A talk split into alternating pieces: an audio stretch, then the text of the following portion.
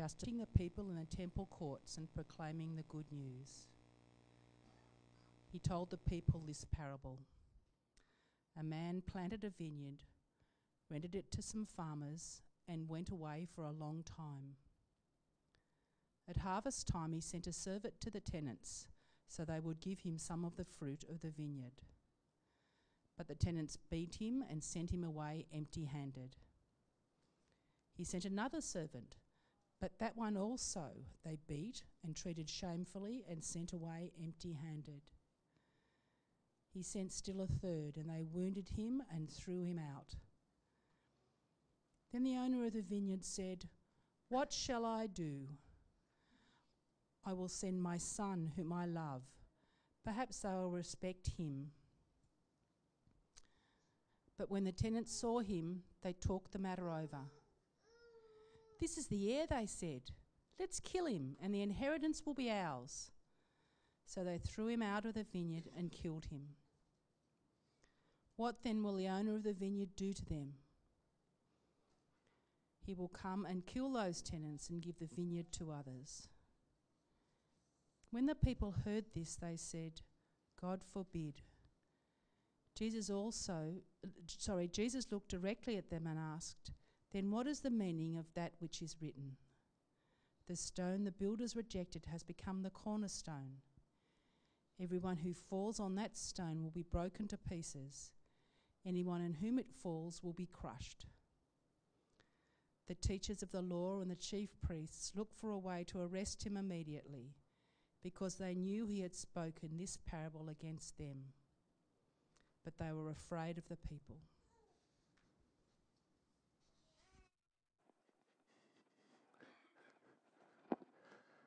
Thank you. Ooh, we're on. Well, good morning, everyone.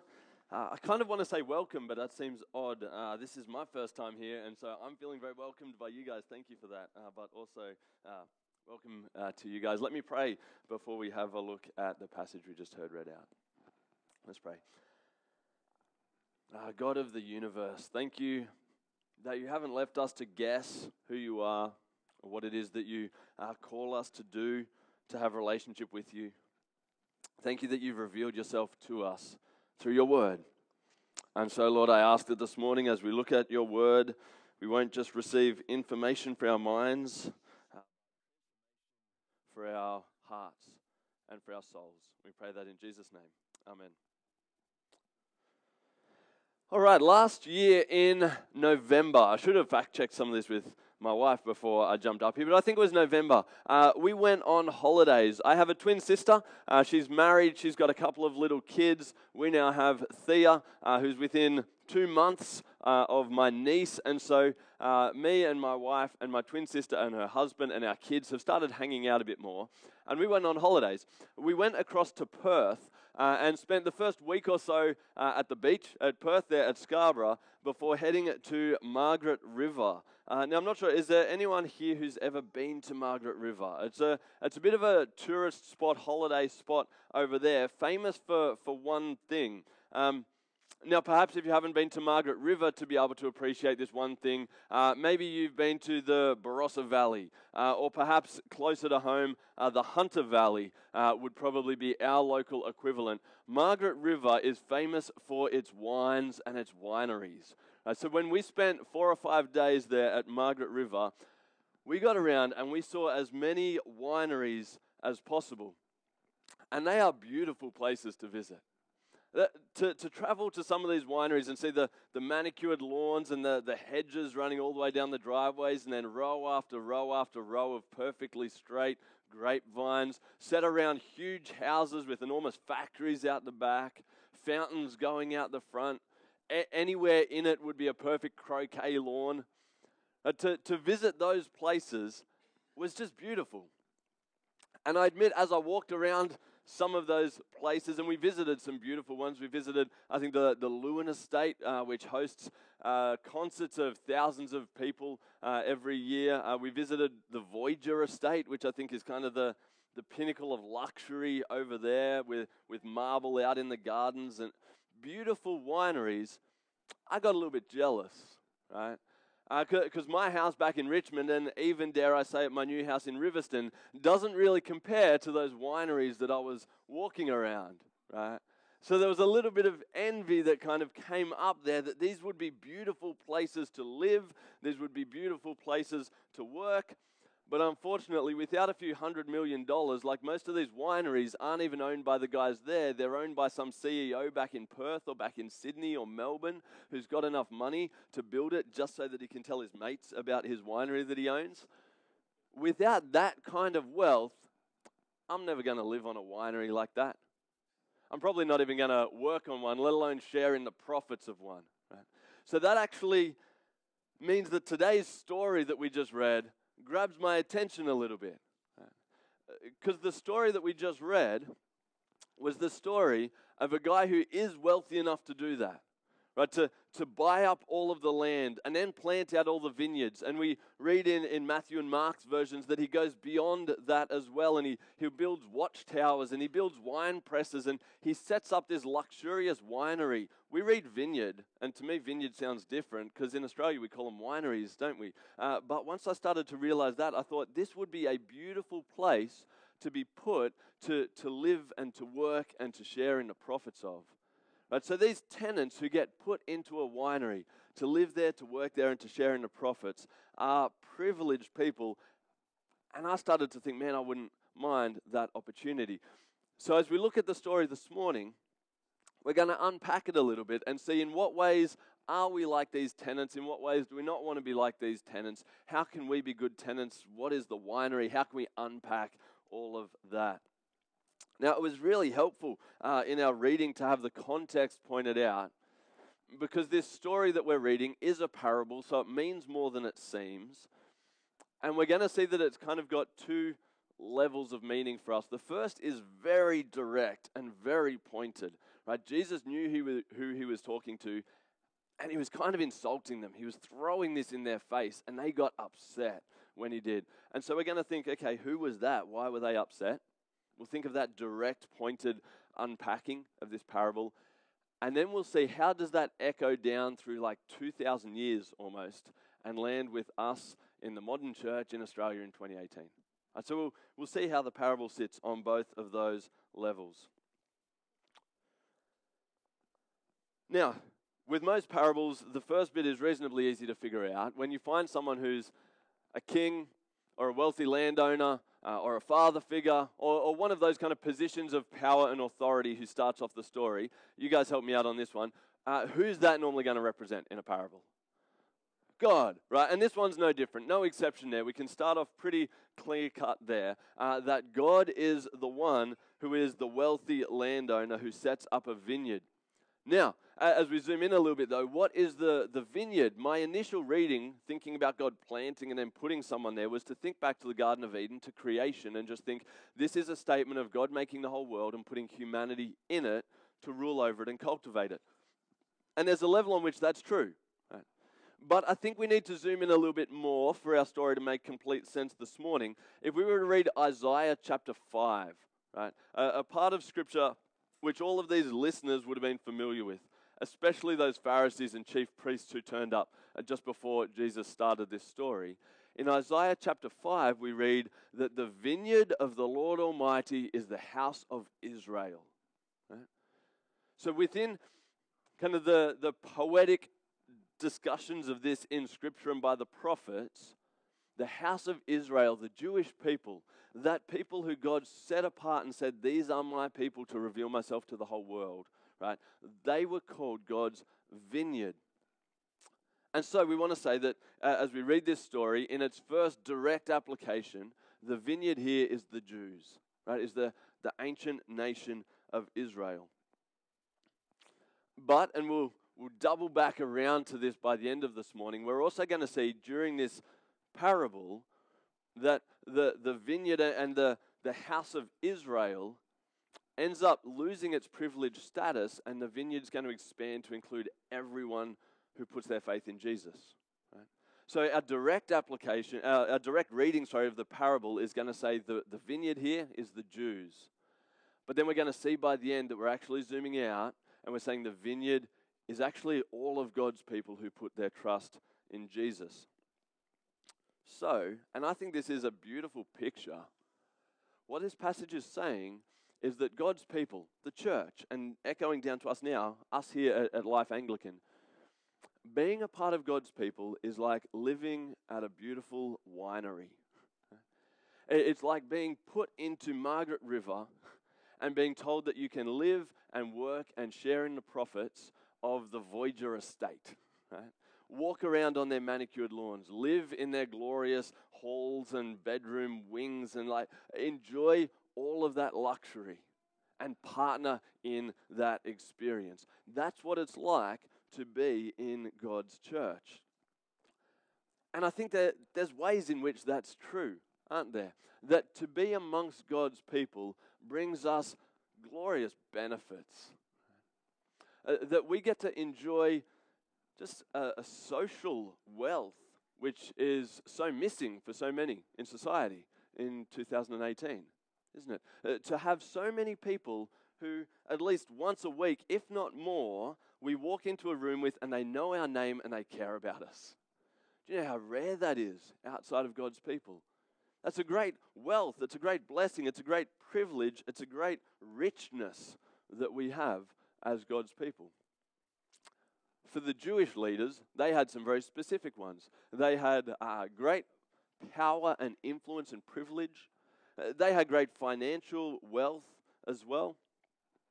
So we have a huge number of benefits of being God's people, living in the winery. And pause for a moment now, and, and we'll think about this more at the end as well. How is your experience of being in church, right? Not just this morning, but in any way which being amongst God's people happens for you. How is that a bit metaphorically like living in a luxurious winery, right? In what ways do you love the benefits and the wealth and the richness of being among God's people? Take a minute to think because it'll land in different places for all of us. Right? I know youth group guys that I had back at Richmond, and I'm sure already some I'm starting to meet, where the ability to join in and play music with a bunch of mates every week is something which they wouldn't have otherwise uh, and love it. Or it might be that social stuff, could be all manner of things. It could be generosity that you've received from, from other Christians along the way. Huge amount of wealth. Well, what happens in our story? These tenants have been put in place. They're told you can have a room at the vineyard, you can go out and work, and then you can share in the profits. So they've got a pretty sweet deal. And then, verse 10a, we read, At harvest time, he, God, sent a servant to the tenants so that they would give him some of the fruit of the vineyard the, the tenants get reminded that even though you're enjoying the benefits of living in this winery, even though you're partnering in that and sharing in the profits, it's not actually yours, right? It, it's not actually all for you. You don't own it, it's a gift you've been given.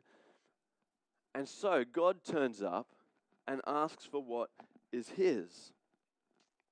Now, for the Jews, this happened over and over and over again. And rightly so. God would say things like, You have been given, this is to the Jews, you've been given the law, right? But give me obedience and repentant hearts. Right? He, he would say to them, Here's blessings you've received. Perhaps uh, as the, the leaders and the elders, the Jewish leaders, uh, you've received privilege and power. Use that to defend the vulnerable, right? To, to care for those who are, are poor and impoverished. That, that they've been given great things, use them for God. Because the, the body, the collection of His people, isn't ours, it's His. Examples for us, maybe as this echoes down, would be things like we've received a room of people who we can walk into and feel very accepted and loved. Right? We receive a lot of kind of social capital but there will be times when God gives you an opportunity not to try to gain your own social capital, but to spend that for His sake. To say, I'm going to go and talk to someone who actually will cost me some social capital to be seen around. I'm going to go and look like a fool by having this conversation and sharing the gospel with someone. And I'm willing to do that because as I've worked in the vineyard, in the winery, as I've been a part of God's people, I've got so much love and relationship from people, but now's a chance for me to give back to God with that. It might not just be social capital, it could just be generosity. It could be that God has been so generous to you over and over and over again, and His people have been so generous to you over and over again, and now He lays before you an opportunity to be generous back to Him or to someone else. That could be a way in which He says, You're in my winery, you're enjoying the proceeds, now pay me my due. It could be, I think this is a concrete one for me every week, uh, it could be music right? That you come along, and when we sing to God, the majority of the time, you really enjoy that style. Or at different times in different places, you enjoy the style of the music, and there's wealth in that. You're, you're enjoying that. But there's times when getting into the worship, the getting into singing and praising God, is just a gift to Him. It's like, you know what, the, the music's not really going well here. The guitarist forgot his capo. It's all out of key. Like, things are, are not how I would like them to be. The drummer's hitting them too loud or the drummer's hitting them too soft or whatever. This is no longer me getting enjoyment. It's actually me giving my singing as a gift to God.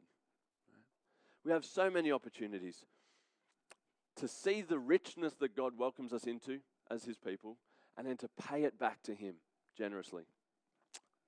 Sounds good, but uh, what did they choose to do? Back in verse 10, at harvest time, he sent a servant to the tenants so they would give him some of the fruit of the vineyard. But the tenants beat him and sent him away empty handed. All right, we're going to track through the rest of our story, and I think we're going to see three things. So, see if you can pick these three things as we go. We're about to learn something just profound and beautiful about the character of God something profound and beautiful about the character of God. We're going to see something about just the natural state of the human heart. Right? Mine, yours, theirs. Something about the natural state of the human heart. And then we're going to get to what Mark was talking about earlier the crossroad, the decision point that we're finding ourselves at this morning as we meet Jesus in this story. Let's start with the something about God's character. So, what just happened in our story? A generous, wealthy landowner plants a vineyard puts people in it and says, enjoy it, work in it, share the profits.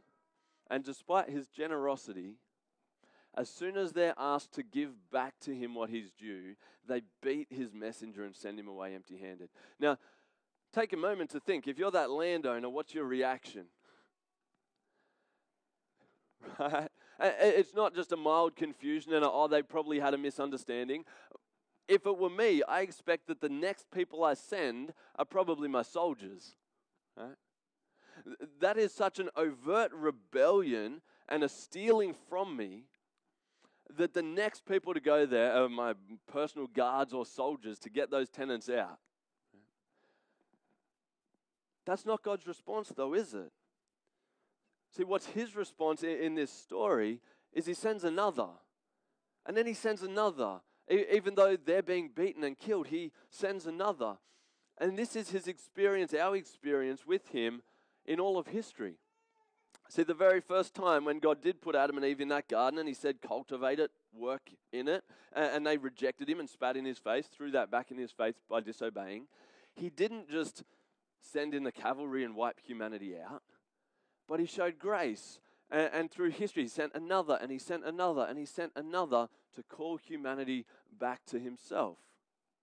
For the Jews, let's keep going with our direct understanding of this parable. That was the prophets, right? So he sent Samuel and he sent Nathan and he sent all those names that we don't really know how to pronounce in the Old Testament, right? So he sent Isaiah, he sent Ezekiel and Elijah and Elisha and Daniel and all of the minor prophets and all the ones that we haven't even heard of, right? He, he sent them and what happened to them? One after the other after the other. Well, just a few chapters before this, Jesus looked out on Jerusalem.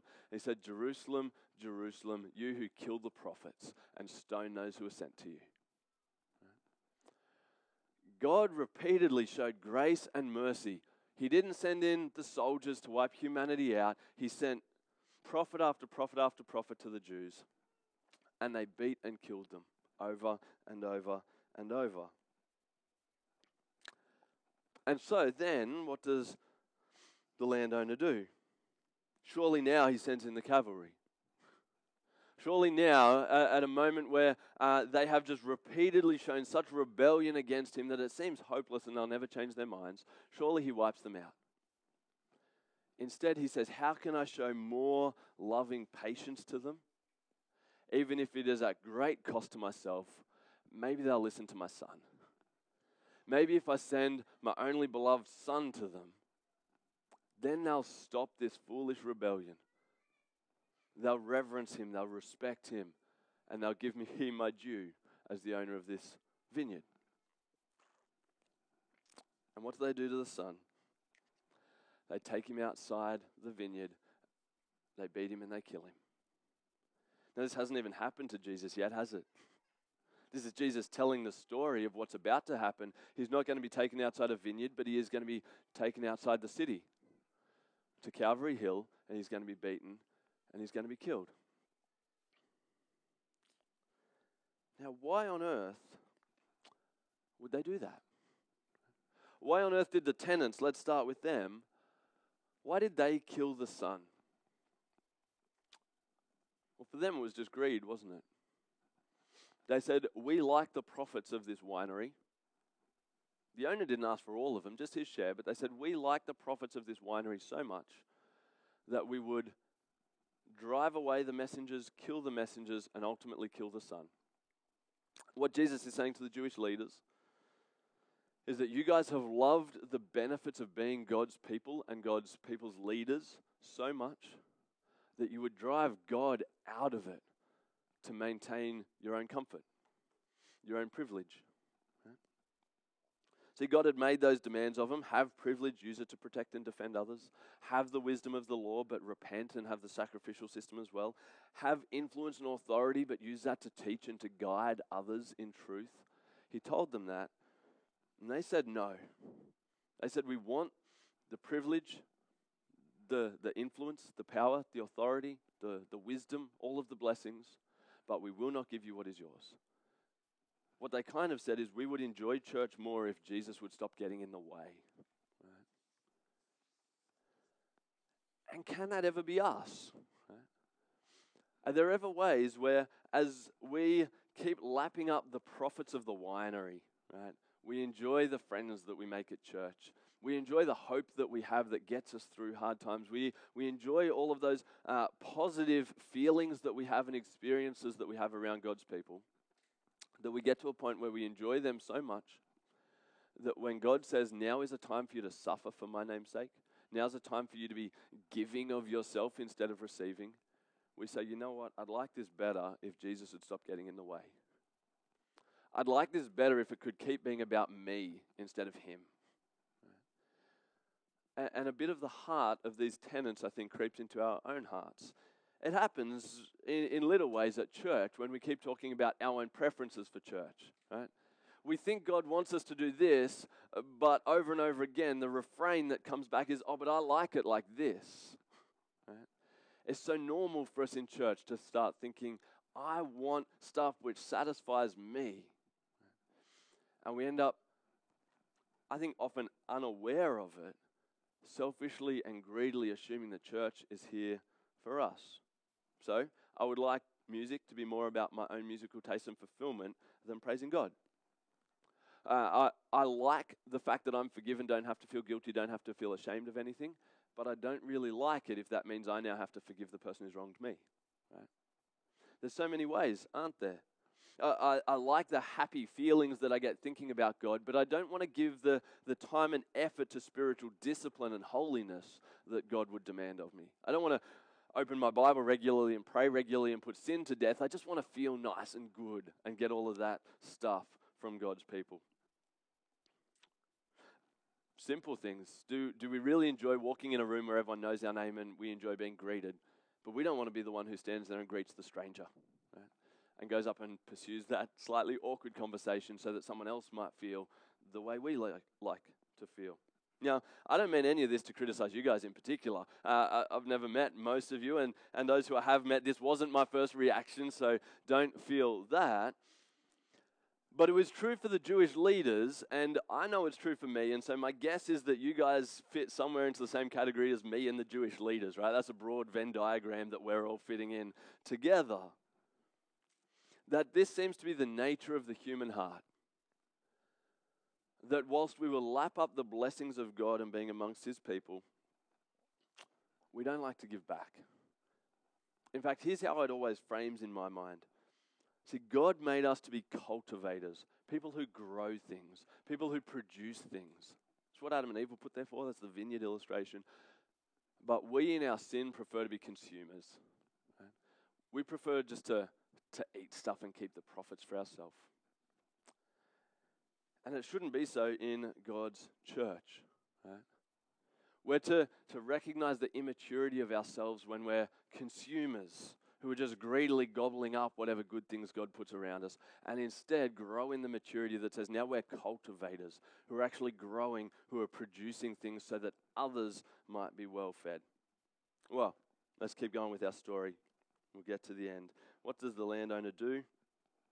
He's given him every chance. Now he sends his son, and they kill his son. Well, those original hearers, those Jews, those Pharisees, those teachers of the law, are about to lose their privileged position. Right? They're about to lose their uh, kind of ownership and title as God's people because their repeated lack of faith in Him and trust in Him. But it's amazing how God takes things which just seem like bad news, right? This story just seems like a bad one. The tenants are going to be wiped out. To take bad news and make it glorious truth instead. So, whilst they are about to lose their privileged position, that purely by birth in the line of Abraham they call themselves God's people, God's going to use that to open out who are his people to be anyone who would trust in Jesus that even though they've taken the son out of the vineyard and beat him and killed him, God's going to raise him to life again, put him in charge of the universe, and say, anyone who looks to the son will be saved. God does wonderful things even when people do evil things. And we have a tricky metaphor swap here, so see if you can track with us. We move from a vineyard to just a building. The way Luke points that out, or the way Jesus points it out, and Luke records it for us, is to talk about a cornerstone. And a cornerstone that's been rejected by builders. Here's the picture that's in mind that these Jewish leaders, they see Jesus and they're trying to build this grand temple and they see him and they throw him off to the side. They say, Surely he has no place in God's building. Surely his humility, the fact that he spends his time with sinners instead of us, Surely he has no place in this glorious, magnificent temple that we want to build. And they toss him away. And what God chooses to do is to use that tossed away, discarded stone to set out a new building and to build on top of that that which would actually be his temple, the church. And so now, echoing down through the years, we're left with a decision to make in terms of how we want to respond to God. See, that, that cornerstone that's been tossed away, Jesus, has now been built upon to the point that as God's people, we're sitting on the opposite side of the planet to where this happens, a long way removed from this original parable. In gratitude that it did happen so that now we can be in that position. But, friends, we've got to make sure we don't make the same mistakes we've got to make sure that after all of that work of God in bringing this glorious building that's built on Jesus, the, the Christian church, billions of people across the planet over thousands of years, right? That after all of that work that God has done to explode his salvation out to the Gentiles, we don't make the same foolish mistakes that those Jewish leaders made. See, church is not yours. Life Anglican here at Marsden Park is not yours. There's a way it is. You'll say it's your church, as in it's the one I attend. But it doesn't primarily exist for your comfort, or your benefit. We often have this question, don't we? I, used to think about this all the time and argue with people about it. Is church for the Christians or the non Christians? Right? And we'd talk about all the different practical ways that that works out. And there's some good conversations to be had there, of course, but the ultimate answer is neither. Right? The church is for Jesus, it's for God. We don't do our music primarily so that it's either edifying for those who are Christians or winsome for those who aren't. We do it so that it's pleasing and worshipful to the God who we're singing about. Everything in our church is not primarily for our own satisfaction, right? The, the wealth which the church generates, and I don't mean money there, I'm thinking the social stuff and the enjoyment and the fulfillment and the hope, all of that that it generates, the, the glory of the church is not there so that you can bask in it and enjoy it. It's there so we can give it back to God. And that's going to land in all kinds of different ways for us personally in our relationship to the church and God's people. But, friends, this morning, I want to appreciate the fact that God graciously invites us to live in a luxurious winery, metaphorically. The glorious people of God, with all of the wealth that that creates. But He calls us to cultivate it, not consume it. And as we benefit in all different ways, there's going to be opportunities today, straight after this service, this week, bigger, flowing out over months and years, for you to not take those benefits, but to spend on His behalf. And I want you to consider what that might look like. Are we going to be those, this is our, our crossroad moment, are we going to be those who enjoy the benefits of God but then rob Him? When it's time to give him the honor that he's due? Or are we going to be those who receive the Son, who joyfully partner in the work of the vineyard, right? who get that one day, well done, good and faithful servant? I'm going to give you guys just 15 seconds to, to have a think about where that sits for you this morning. Three things to think about in, in those 15 seconds. Just what are some of those benefits that you enjoy living in the winery? What are some of the things you love about being a part of the church? What are the benefits, the wealth that it gives you? How this morning might God be calling you to cultivate, not consume within that? How might He be calling you to be a cultivator, not a consumer? And what opportunity is God giving you to give to Him what He's due? How might He be calling you to do that this morning? Out of the richness that you have as one of His people, how is He calling you to give Him what He's due? 15 seconds, have a think about your answer to those. They might even be something that you can chat about over morning tea. Be brave enough to ask someone else.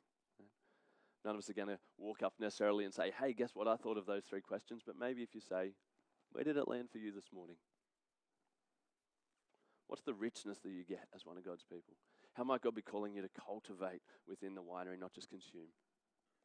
How might He be asking you to give back what He's due after all the richness that He's blessed you with?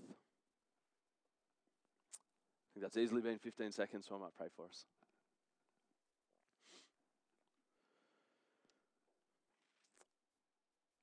Father God, we want to acknowledge that the winery is yours, that this uh, beautiful community that we get to be a part of as your people doesn't belong to us, that we are privileged to be allowed to live and work amongst your people. Lord, thank you for the wealth that that gives us, the friends that that gives us, the meaning, the purpose, the direction, the love, the affection, and generosity that we get. We thank you for that. Lord, please give us hearts which are grateful and hearts which are receptive when you give us moments and opportunities to give back, to, to, to cultivate, to, to give of what we've received so that you might be honored well and your people built up. I just pray that for every single one of us, that might land in a, a different way in our hearts this morning. But together, we might be good tenants who just enjoy living in this beautiful vineyard that you've placed us in. We pray that in Jesus' name. Amen.